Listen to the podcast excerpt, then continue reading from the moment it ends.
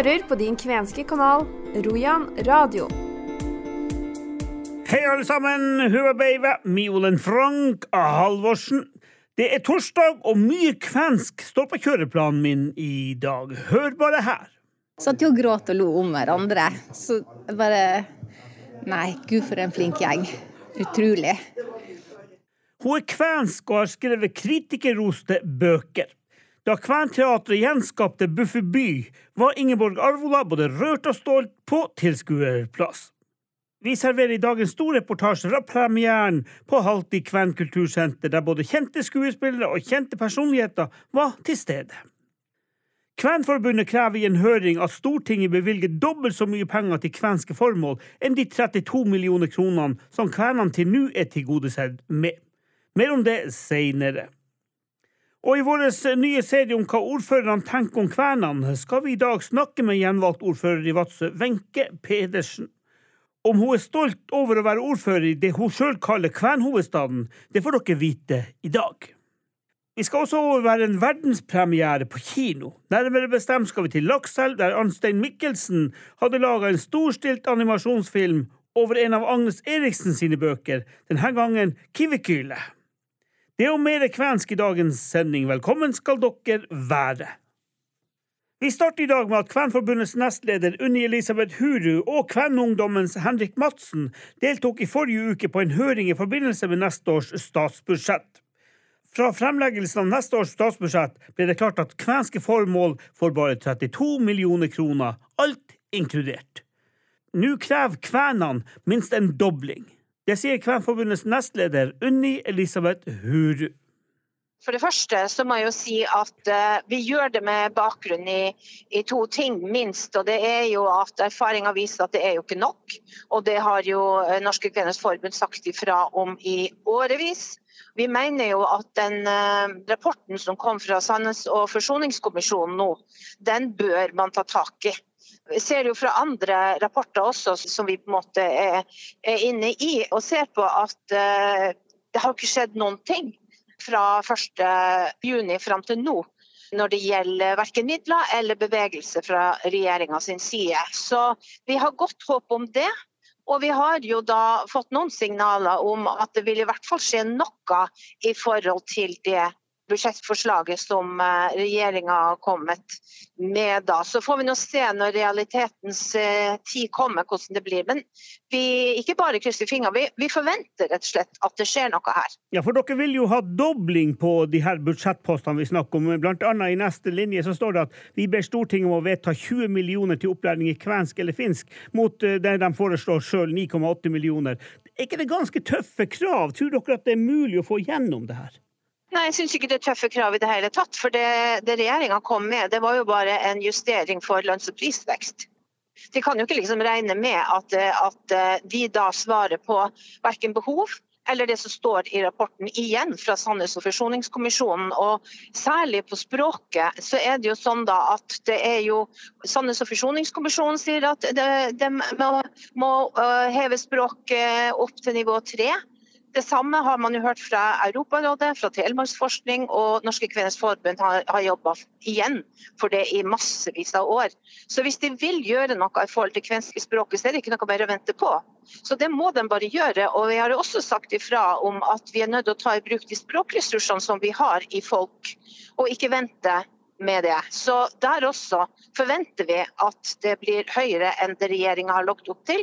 Også der bare en justering i forhold til lønns- og prisvekst. I neste avsnitt så eh, krever dere at Stortinget skal sette av 16 millioner til Kvensk institutt istedenfor 7,8 millioner. Er kravene det samme der, altså dere dobler og Vi ber også om den økninga i forhold til Kvensk institutt. og Det er jo også der lønns- og prisveksten som er regjeringas utgangspunkt. Og vi vet jo at Kvensk institutt verken har den bemanninga som de trenger, og også at de har måttet redusere kraftig på prosjekt som de har ønske om å jobbe med. Det er både at de ønsker å jobbe på landsbasis og, og på en måte eh, tenke nytt, men det andre er jo at de har jo vært nødt til å kutte ut gode prosjekt som f.eks. eh, over grensa og i forhold til kulturskoler. Sånne ting har de ikke mulighet for å gjøre. Og de trenger også ressurser til oversettelse for å kunne jobbe med det de faktisk gjør i dag. Så det er klart at det egentlig så ber vi om småpenger, men realismen ligger i at vi ikke går lenger enn å forlange en dobling. Dere har også eh, krevd en, en i hvert fall dobling av eh, regjeringas forslag på 1,4 millioner til eh, Rojan Gaiko ber dere om at skal være minimum 3 millioner kroner. Er ikke det også et uh, veldig høyt anslag, tenker du?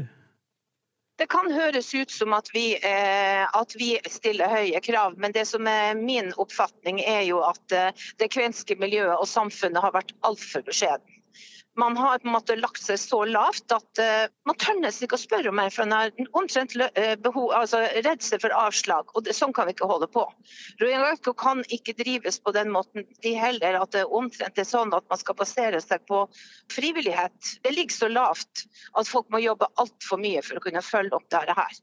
Nei, vi stiller ikke uh, store krav, syns vi. Dere var til stede med på den åpne høringa, bl.a. du fra, eh, nest, som nestleder i Kvernforbundet, og ikke minst styremedlem Henrik Madsen. Hva slags inntrykk sitter du med igjen etterpå? Hørte de på dere, eller var det her bare sånn nødvendig onde at dere skulle bli invitert? Jeg syns at folk var lyttende og interesserte. Hva de går ut av rommet med når det gjelder vilje til å gjøre justeringer i statsbudsjettet, det vet jeg ikke. Men vi fikk gode spørsmål som vi er fornøyd med at de ville nærmere inn på. Det ene var jo at de ville vite hva vi kunne få ut av når det gjaldt samarbeid over grensa. For vår del så er jo språket også her veldig viktig, så man får tatt i bruk det som er i Mengieli. Og vi fikk også sagt noe om at vi da ikke har noe ja, Altså vi trenger lyd. Vi trenger det kvenske språket på lyd.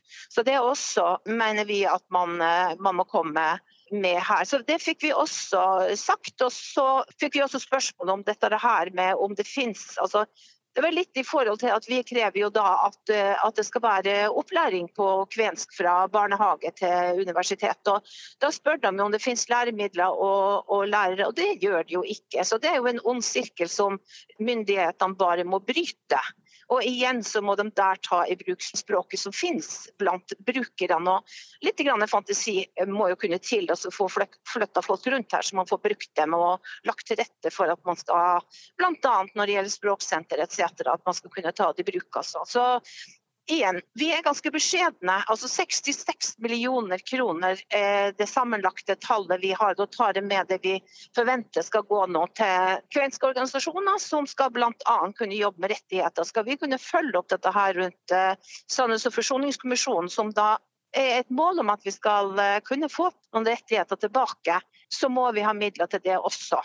Og når man ser i forhold til hva man ellers satser på, på 66 millioner, så er det ikke det er ikke mye. Vi forventer at neste års statsbudsjett ligger langt høyere enn dette.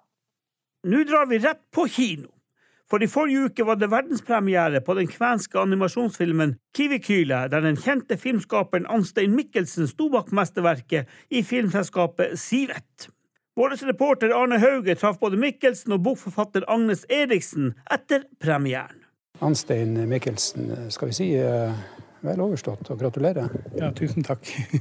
Du har sagt at denne produksjonen her den er full av KI. Hva mener du med det? Ja, da mener vi kvensk intelligens. Det er fra begynnelse til slutt og enda lengre. Agnes har vandra i fjæra og funnet den lille verden og de her spøkelsene av Stjernegutten. Og så har Kenneth og Katrine gitt liv til dem på film. Og det er jo da kvensk bakgrunn og de her Trygve og Anne Margaret som har laga musikken og stemmer. De har kvensk bakgrunn. Og Astrid Sirine Hoel som har også laga stemmer av kvensk bakgrunn. Arvid som er forteller, altså kvensk bakgrunn. Så det hele veien er det tvers igjen et kvensk produkt. Hvis man ser på den etter hvert svært store produksjonen du har av kvenske filmer, på hvilken måte har denne filmen skilt seg ut, hvis den har det da, i din produksjon? Ja, den har skilt seg ut at det er en animasjonsfilm. Det er jo ikke sant, Lager du dokumentarer, så drar du ut og filmer noe som fins. Her skal du lage alt fra bunnen av. Alt du ser i filmen, måtte lages. Altså, det, det er ingenting som ikke er laga.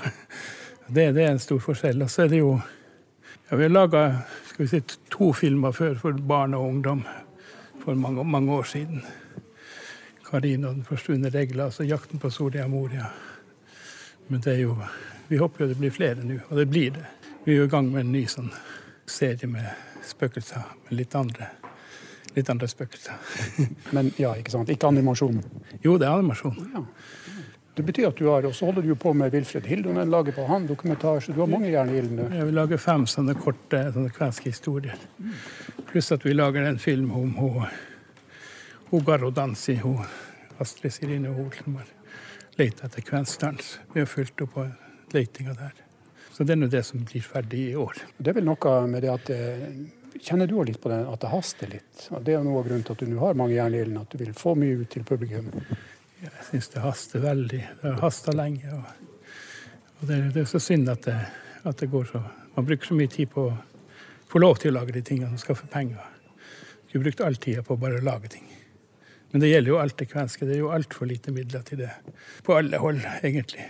Det bør jo skje en kraftig økning nå. Det som er, er positivt nå, det er at det er så mange som vil gjøre noe. Og da må de få lov, å, få lov å gjøre det mens de enda vil. Møter de for mange sånne nei, så gir de opp. Du sa til uh, folket under uh, middagen før premieren at du trodde denne kom til å nå langt ut, for det har du opplevd før at filmproduksjonene dine har gjort? Ja, vi hadde spesielt en sånn samisk dansefilm som den var jo vist på alle kontinenter, og i New York og Tokyo. Denne filmen er også litt sånn universell, så den har potensialet til å nå ut. Den er universell og sånn litt eksotisk. Og da slår, slår, det an ute i verden. Så vi skal melde på masse fest festivaler nå. Det var en hel del unger her, og hva du har fanga opp av reaksjoner? det, var, det var jo noen man hørte veldig godt reaksjoner på, så det, det ser jo at det går hjem. Og det er bra. Igjen gratulerer. Takk. Tusen takk. Jeg lurer på én ting. Blir det mulig å finne denne filmen etter hvert på nett? Ja, det kan jeg garantere at det blir. Vi håper jo at den kommer på NRK og de legger den ut på nett. Og hvis ikke de gjør det, så har vi en sånn plan selv også om at det skal komme på nett. Og det gjør det. Ja, for jeg har fått spørsmål fra folk ja, ja. fra det kvenske miljøet om vil den være tilgjengelig for oss. Vi kan ikke legge den ut. Vi har meldt den på, på etter oppfordring fra Nordnorsk Filmsenter på filmfestivalen i Tromsø. Så vi må jo ha avklart det først, for da skal den ikke være vist noen plass. Og så må vi ha avklart med NRK, for hvis de vil legge den ut på nett, så, så gjør jo dem det. Så, men jeg kan garantere at den kommer. I en eller annen form så kommer den ut? Ja, ja, ja det gjør den. Det er garantert. Og det kan også hende at det blir andre, andre former for visninger også, men vi må se det litt an. Her er Haug i samtale med forfatter Agnes Eriksen. Hvordan var det å se jo, på, på, på lerretet til og med? Jo, det er jo litt inspirerende. Altså, jeg føler jo på en måte at uh, Altså Det som jeg sa om at man får liksom uh, fortalt folk hvor magisk naturen er. Og det skjønner jo barn. Så de her bøkene ble jo i sin tid laga som lesebøker for elevene mine i kvensk. Og, men så har det jo voksne også satt pris på dem. Og mange har sagt, noen har sagt at de kommer aldri til å gå i fjæra på samme måte.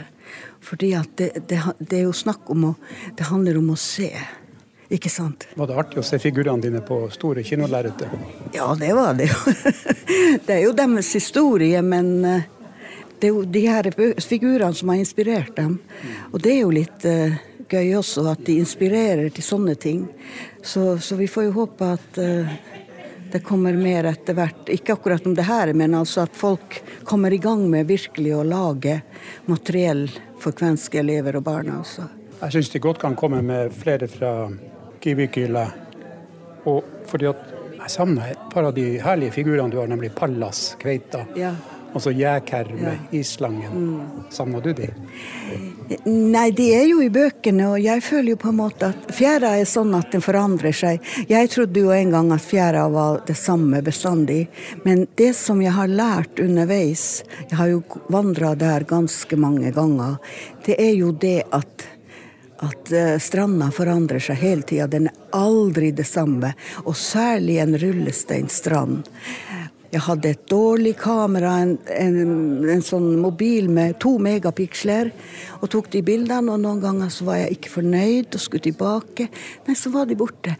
Men på magisk vis så dukka de opp igjen. Til jeg fikk ble ferdig med, med fotograferinga. Og nå er de borte. Jeg har jo tatt vare på noen av steinene. Det har jeg. Det er jo mye der ute som vi kan som vi kan bruke, altså. Vi må jo lære å bruke naturen på en ny måte, føler jeg. Så tar vi ungene ut, istedenfor at de sitter med hodet bøyd over en, et spill eller en mobil. Det er like spennende der ute. Nå over til en spalte jeg har tenkt å følge opp utover vinteren. Det har seg sånn at det har vært kommune- og fylkestingsvalg for ikke lenge siden, og med det så er det kommet mange nye ordførere i nord, men også noen gamle får sette. Jeg har tenkt å snakke med noen av de her for å høre hva de tenker om kvenene, og hvordan de skal følge opp det kvenske i sine ordførergjerninger. Vi starta serien i forrige uke med Porsanger-ordfører Jo Inge Hersevik fra Høyre. I dag er turen kommet til Vadsø-ordfører Wenche Pedersen fra Arbeiderpartiet. Wenche Pedersen, er du kven sjøl? Ja. Fortell litt bare om bakgrunnen din, bare så vi har det også klart. Det er altså sånn at eh, min far eh, er vadsøværing. Hans eh, mor hun er da etterkommer etter Bernhard Siorovainen, som kom fra Finland. antagelig det området som er i nærheten av inn mot russergrensa fra Oulu. Hva betyr for deg å være kven? Betyr det noe når du er ordfører? Det har betydd noe for meg lenge. fordi at uh, Min bakgrunn altså sånn, historien er jo at, at min bestemor Anna i byen, hun, hun, sa jo at vi var kvener. Uh, du vet at Kjerringene i Vadsø de snakka jo uh, finsk når ungene var i nærheten, når de hadde hemmeligheter. Men poenget var at de snakka så dårlig finsk at vi skjønte jo alt de sa. Det er jo sånn minne som jeg har fra jeg var unge. Men i alle fall så var det ikke noe tvil om at, eh, at det var en bakgrunn. Og eh, jeg har jo etterpå forstått at når bestemor Anna i byen snakka mye om uh, de her tingene, så var det jo fordi at å være kven, det gikk an. Men hun ville ikke ha den andre bakgrunnen frem, og det var jo at hun hadde samiske aner. Hva du tenker om det i dag? Nei, altså det er den vanlige finnmarkshistorien. Det er ikke noe spesielt for meg. Det er sånn som uh, det er sånn som Finnmark har vært, og sånn som Finnmark ble. Og, og hvis jeg skulle liksom ta på meg den her eh, virkelig krenka rollen, som jo mange gjør, så er jeg jo på sett og vis fratatt to språk. Men jeg tenker ikke sånn om det. Jeg tenker at uh, verden var sånn som den var da. Og vi i, i vår generasjon må på en måte ta videre det som var viktig for oss. Jeg er med i Samantall, har vært det i alle år. Jeg har jobba med samiske saker i mine, min karriere som journalist og som superbyråkrat og som politiker. Og jeg prøver på en måte å balansere ut begge delene. Men det er klart det er helt spesielt å være ordfører i det som vi kaller for kvenhovedstaden. I Vadsø så er det vel også sånn at det er noen som erkjenner seg som kvener, mens andre sier bare tull, vi er finlendere. Hva du tenker om det? prøver å la være å delta i den diskusjonen. Folk har lov å definere seg sånn som de vil. Det jeg tenker som politiker, det er at jeg har ansvar for å ta vare på både den ene og den andre, uansett hva man kaller seg sjøl for. Og Det er jo litt av bakgrunnen for at uh, mens jeg satt i styret i, i Varanger museum, så hadde vi jo diskusjoner både om navn på museum osv. Men vi har i forhold til det nye museet og det vi jobber med i Vadsø, så, så, snakker vi om uh, Vi bruker kvenbegrepet, men vi bruker også kven norsk-finsk. Og uh, Sånn må vi gjøre det fremover. fordi jeg tror at mangfoldet i Finnmark knytta til urfolk og til minoriteter det som er viktig, det er å jobbe sånn at vi, vi samler oss, at vi ikke splitter. Altså Hele Sannhets- og forsoningskommisjonen er jo full av historiene for sånn som det var. Jeg er mest opptatt av hvordan kommer vi oss videre. Hvordan klarer vi å ta vare på både det samiske og det kvenske på en god måte. Og jeg tror jo at kommunene har en mye større rolle i det her enn det folk egentlig tenker gjennom. For det er på mange måter vi og resten av det offentlige som skal gi tilbudene. Eh, både i forhold til å, snakke samisk og kvensk, eh, gi tilbud i barnehage, gi tilbud i skole, gi kulturtilbud. Og ha arrangementer og møteplasser som gjør at vi kan skal vi si, dyrke den delen av skal vi si det, det mangfoldige Finnmark. Men føler du da at Vadsø kommune ivaretar det kvenske på en god måte der borte? Vi er jo ikke gode nok. Men jeg føler at vi har gjort mye de siste årene. I de fire årene jeg har vært ordfører, så har vi vært etter lang tids jobb i Vadsø, så har vi fått realisert den store planen vi hadde om å få til et nasjonalt kvenmuseum. Og jeg var så heldig å få være med på åpninga av det. Og det er klart at det betyr at eh, vi har fått et sentrum i forhold til de her tingene som er, som er veldig, veldig viktig. Og der tok Vadsø kommune en stor sjanse da NRK flytta hovedkontoret sitt til Alta. Så tok vi en sjanse, og så kjøpte vi det bygget. Så jeg mener at vi har tatt et ansvar i det her, og fikk dermed også realisert drømmen om et nytt museum, som vi får veldig ros for. I tillegg så er vi medeiere i Kveniteatret. Eh, sammen med Nordreisa og, og Alta og fylkeskommunen. Vi eh, prøver å, å feire dagene. Vi har eh, satt eh, Sandnes og forsoningskommisjonen opp som tema på det andre kommunestyret de, altså de nye, i det nye kommunestyret. Nettopp for å på en måte sette på plass at det her er viktige ting for den politiske ledelsen i Vadsø. Med utgangspunkt i, i innspill fra Kvenforeninga, så har vi på gang et arbeid med å se på, på navnene på kommunen. Og vi eh, deltar og har vært med å støtte Kvenfestivalen. Vi prøver å ha dialog. Egentlig skulle Nord-Varanger Kvenforening ha 20-årsjubileum i helga, der jeg skulle være og hilse fra kommunen. Nå er det blitt avlyst.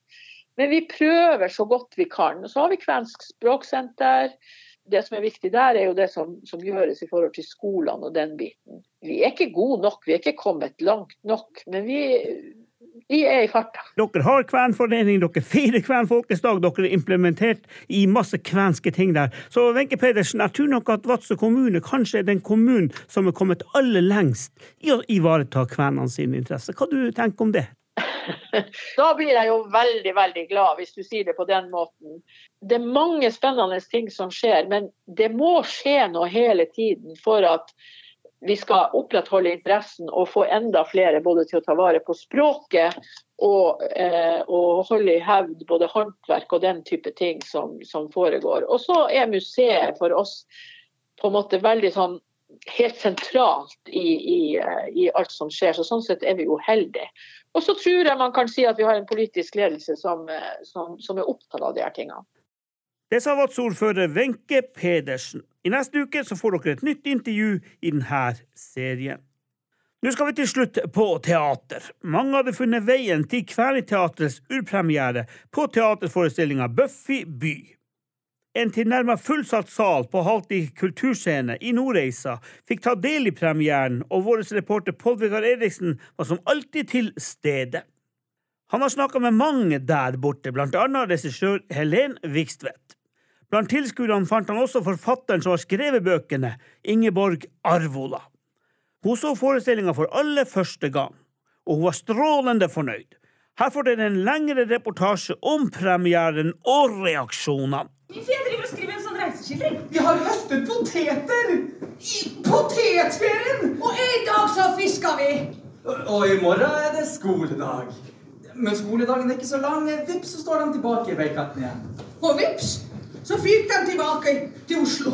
Vips, av gårde til alt det fine der sørpå. Vips, så forsvinner de. Og vips, vips. Det er faktisk skoleplikt i Norge, Olava. Jeg vet jo det. Jeg bare glemte hele Skolen og Flåttenfeieriet! Da står jeg på halvtid med Helen Vikstvedt, som har hatt regien på eh, forestillinga Buffy by. Og eh, Helen, kan du si litt om eh, hvordan det har vært? Nei, Det har vært en kjempespennende reise. Altså Fra bøkene til Yngborg Arvola, som jo er fantastiske. Og da det ble bestemt at Kventeatret skulle lage en teaterforestilling av det, så og Lene Kongsvik har nå dramatisert en av bøkene. Å få lov til å være med på å prøve å blåse liv i dette på en scene, det har vært en kjempespennende reise, rett og slett. Du har jo vært her før? Jeg har vært her før. da hadde jeg workshop her. Og det var liksom mitt første møte med Kventeatret. Og jeg, jeg må jo innrømme at eh, min kjennskap til kvener og kvenkultur, den var eh, Det var ikke stort jeg hadde å skryte av. Nå har jeg i hvert fall bitte lite grann innblikk i det. Og syns jo det er innmari spennende å få lov til å, å møte en del av noe som også er en, en, del av en norsk kultur, men som er den kvenske kulturen. Jeg syns det er kjempespennende å få lov til å være med inn og, og, bli kjent med det sånn ordentlig på innsiden. Jeg føler meg veldig privilegert som får lov til det. De andre må lese rapporter og bøker om det, mens jeg får lov til å være med inn og gå på rød løper, som her på halvtid er kvensk rød løper, nemlig fillerier. Men når du eh, jobber med det kvenske nå, eh, opplever du at du må jobbe på en annen måte enn når du jobber på norsk, for å si det sånn? da? Nei, jeg gjør ikke det. Og forestillingen spilles jo primært på norsk, selvfølgelig. Så hvis ikke så hadde det nok vært veldig mye vanskeligere for meg å jobbe med det. Men, men uh, nei, jeg gjør ikke det. Men, men, jeg må jo være lydhør for hva de delene av forestillingen som handler om på en måte som skal uh, vise det som er kultur, da. Fordi den kan jo ikke jeg. Jeg kan jo bare forholde meg til det som er i boka og det kvenene jeg arbeider sammen med, kan fortelle meg. Så, må, så, det er jo også en læreprosess. da.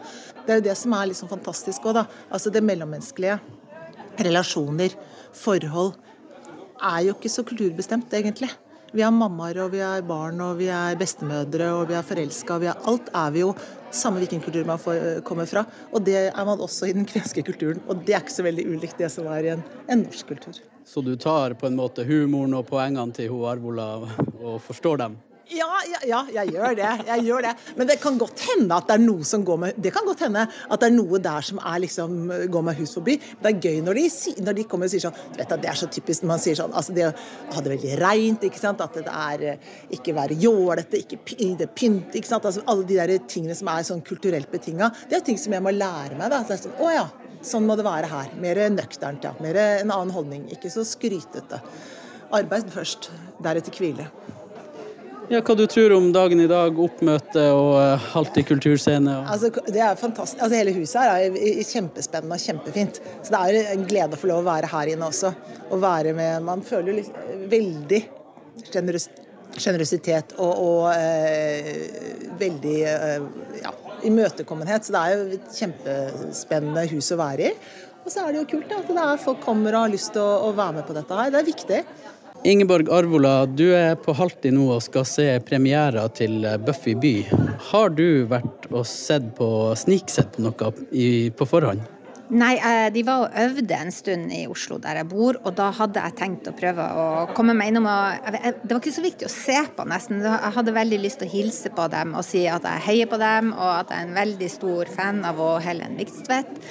Men, eh, men altså, den øvingstida går jo veldig fort, og de må jo få bruke tida til å gjøre en god jobb. Så, så det eneste jeg har sett, er noen sånne klipp som har vært på nett. Så jeg er ja, veldig spent. Så jeg er liksom takknemlig for å få lov å være med, men ikke at det liksom står og faller på meg. Ja, nei, det kan bare bli bra. For sånn jeg skulle ønske hele verden kommer til å få se stykket. Men ganske mange skal nå få se det etter hvert. Ja, den skal jo på turné nå i Finnmark, og så skal den til Tromsø, og så skal den visstnok til Oslo i juni. Ja, det var det jeg tenkte, at den burde jo komme seg til, til Oslo etter hvert. For vi er nå mange som har kvensk og norsk-finsk bakgrunn der også. Herra Jomala! Har du ikke finere klær?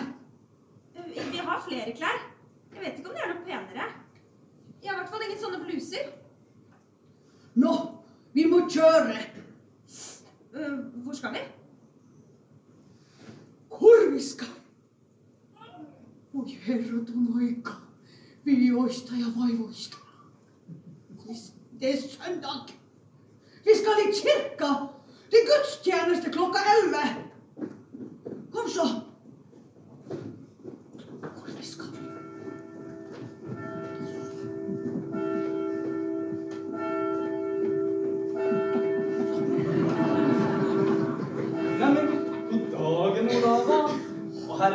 Fine barnebarna dine. Har de slått seg til ro? Porpakini. Klokka er to på elleve. Gudstjenesten begynner, og vi må finne oss. Jaså.